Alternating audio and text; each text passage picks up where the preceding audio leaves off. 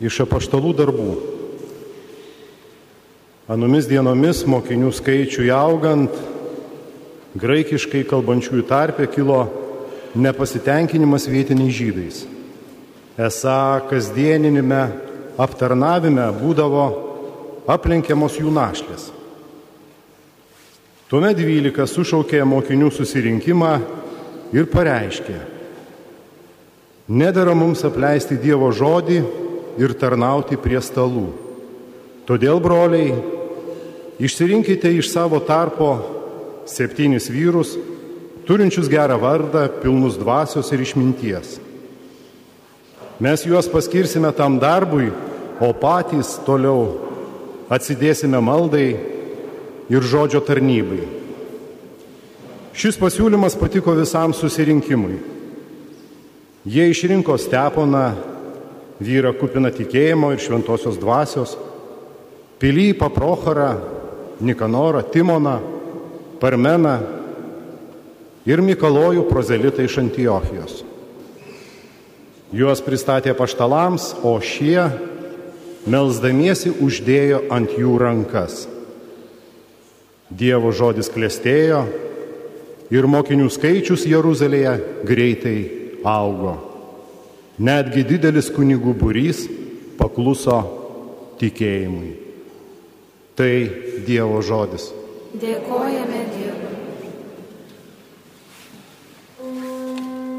Viešpatie būkitų mums gailestingas, mesgi taip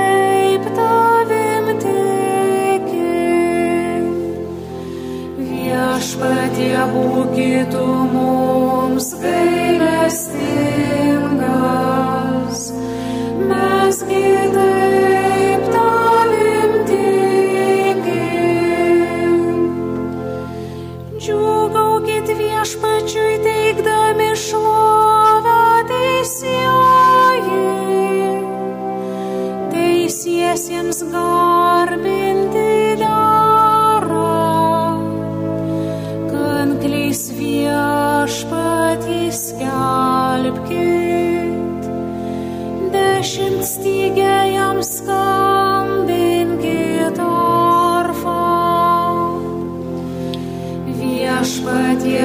būkitų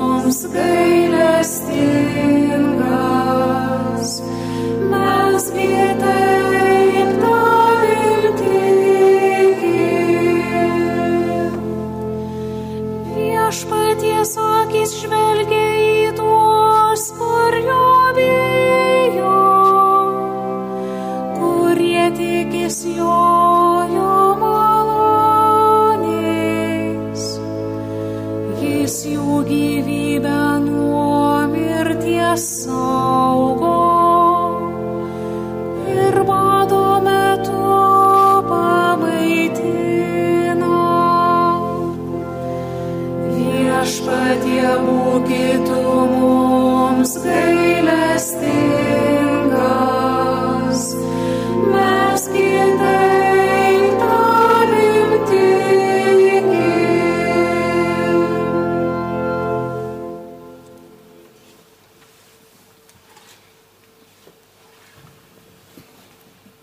Iš Šventojo apaštalo Petro pirmojo laiško. Mylimieji, ženkite prie viešpaties gyvojo akmens, tiesa žmonių atmesto, bet išrinkto. Ir jūs patys, kaip gyvieji akmenys, statydinkitės į dvasinius namus, kad būtumėte šventa kunigystė, ir atnašautumėte dvasinės aukas, priimtinas Dievui per Jėzų Kristų. Todėl rašte pasakyta, štai deducijone rinktinį akmenį, brangų kertinį akmenį, kas tiki jį, nebus sugėdintas. Tad jums, tikintiesiems, atitek šlovė, o netikintiems tasai statytojų atmestasis akmuo tapo kertiniu akmeniu, suklupimo akmeniu ir papiktinimo uola. Jūs esate išrinktoji giminė, karališkoji kunigystė, šventoji tauta, įsigytoji liaudis, pašaukta išgarsinti šlovingus darbus to, kuris pašaukė jūs iš tamsybių į savo nuostabę šviesą. Tai Dievo žodis. Dėkojame Dievui.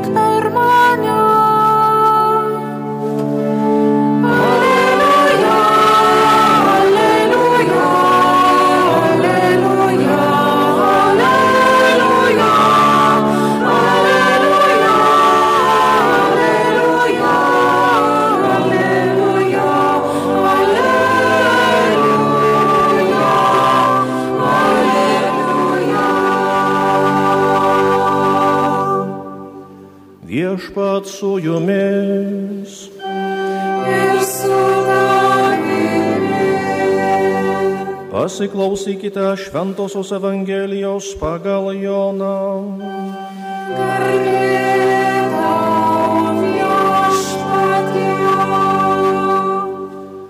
Jėzus kalbėjo savo mokiniams, tegul neišsigasta jūsų širdis, tikite Dievą, tikėkite ir mane. Mano tėvo namuose daug buveinių, jeigu taip nebūtų, argi būčiau pasakęs, einu jums vietos paruošti.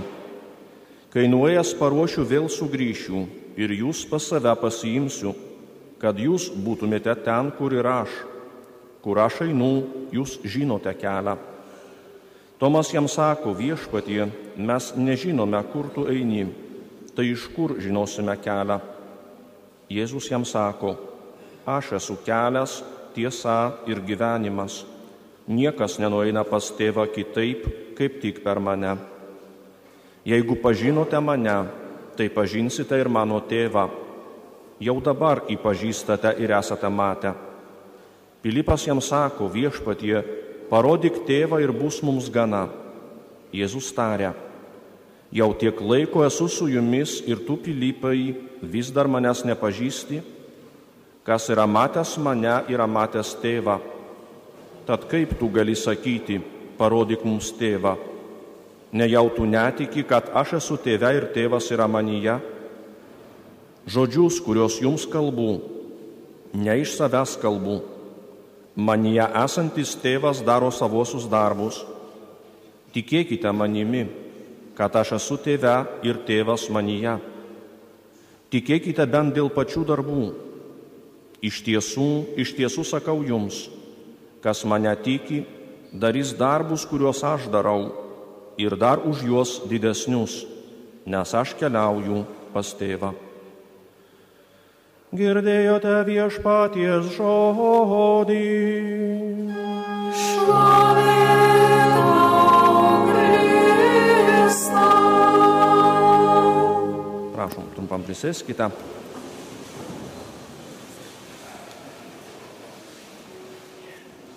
Brangus broliai seserys Kristuje, Kaip žinia, niekas negali atnešti taikos ramybės pilnatvės, jog žmogus, jokie daiktai.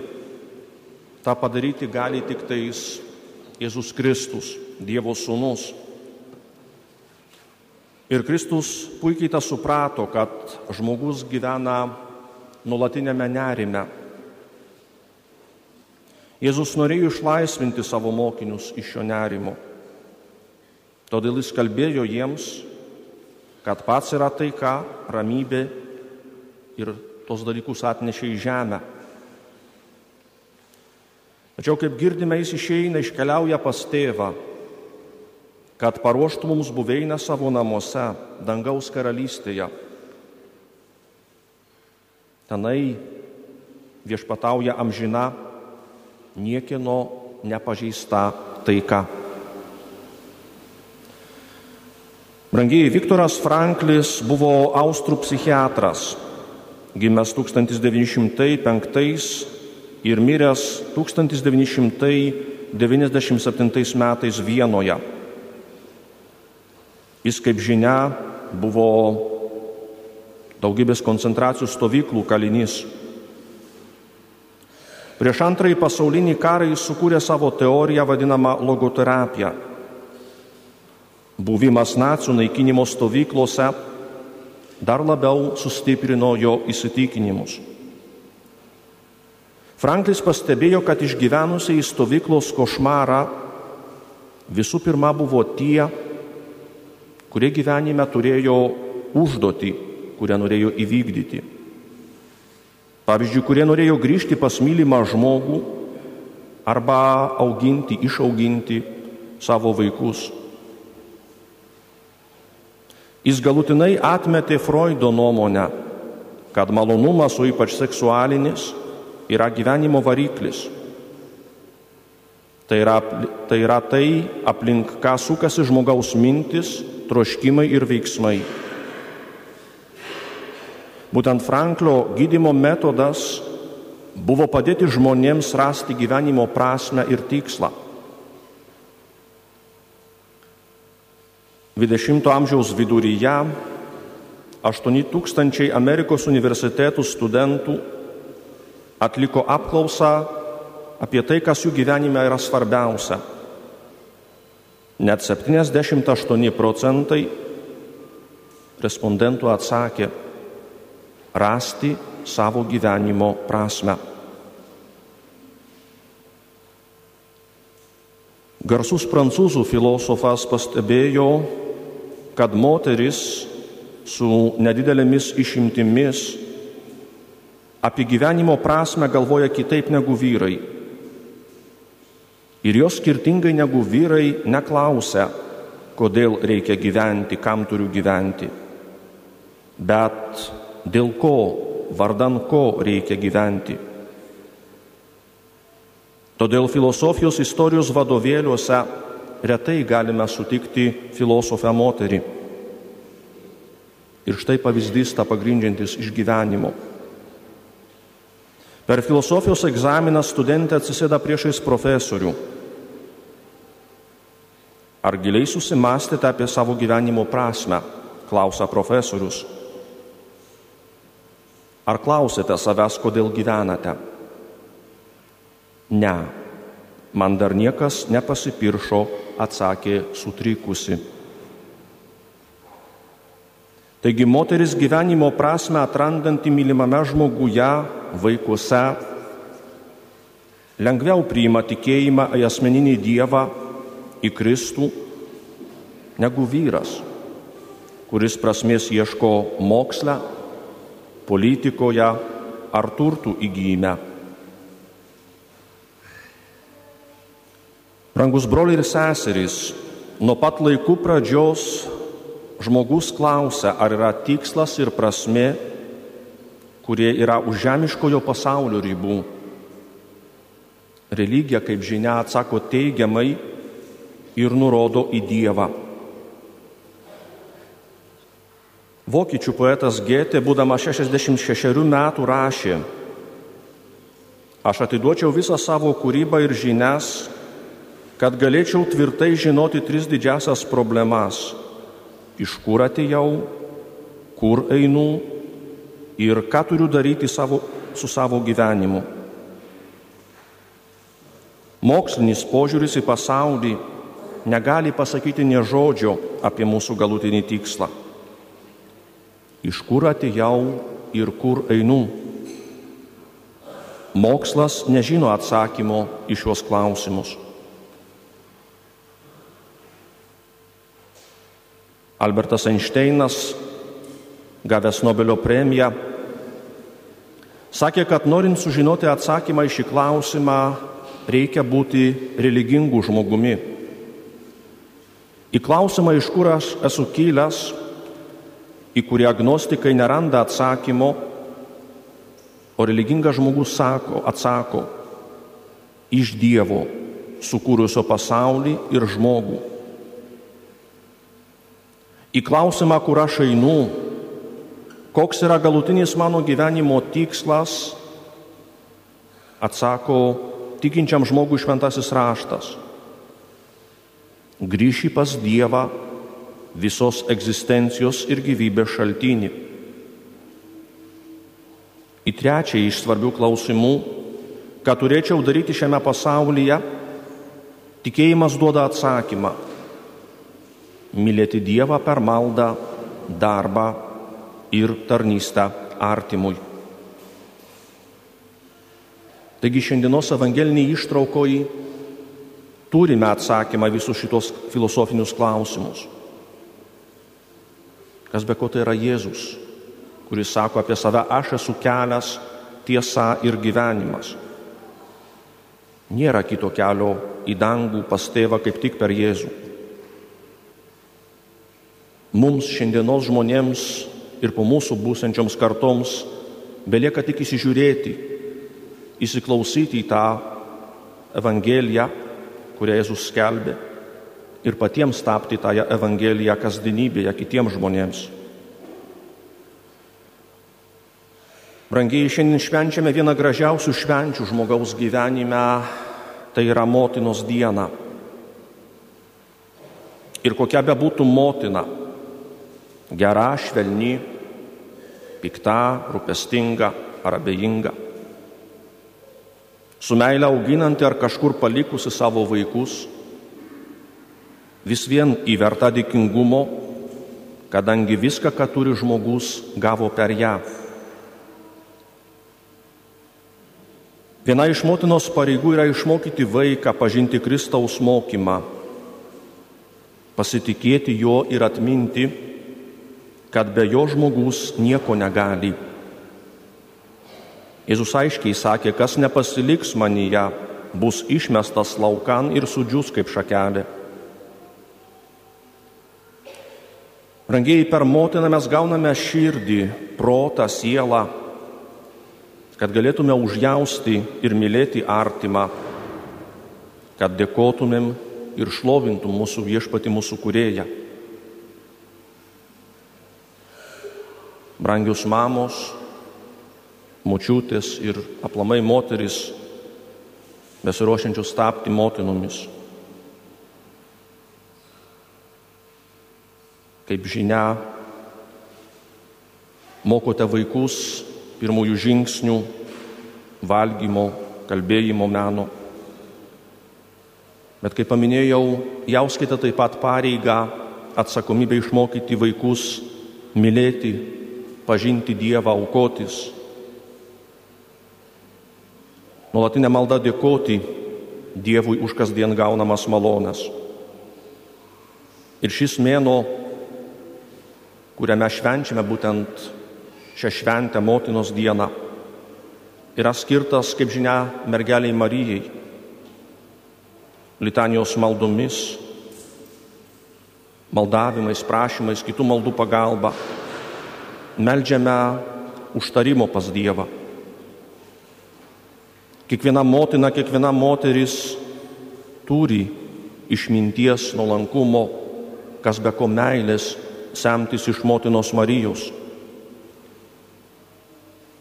Monsignoras Kazimieras Vasiliauskas viename pamokslų kalbėjo, visose krikščioniškos civilizacijos paliestose tautose Jėzaus motina Marija yra tapusi kilniausio moteriškumo į asmeninimu, mergaitės ir moters gražiausių idealų.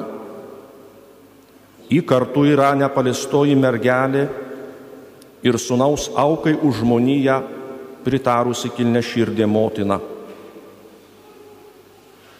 Žymus norvegų dramaturgas Ibsenas sužavėtas Marijos kultų Romoje rašė, o Marija, tu visas spindi tyrumu, gerumu ir savo motinišką meilę vedimus į išganimą. Taigi, brangus broliai seserys Kristuje, šioje šventų mišio aukoje melskimės ne tik už mūsų mamas, bet ir už visas tas, kurias vaikai pamiršo. Tegul šventoji dvasia sustiprina jų pasitikėjimą Dievu, kuris teikia širdies ramybę ir gyvenimo džiaugsmą. Amen.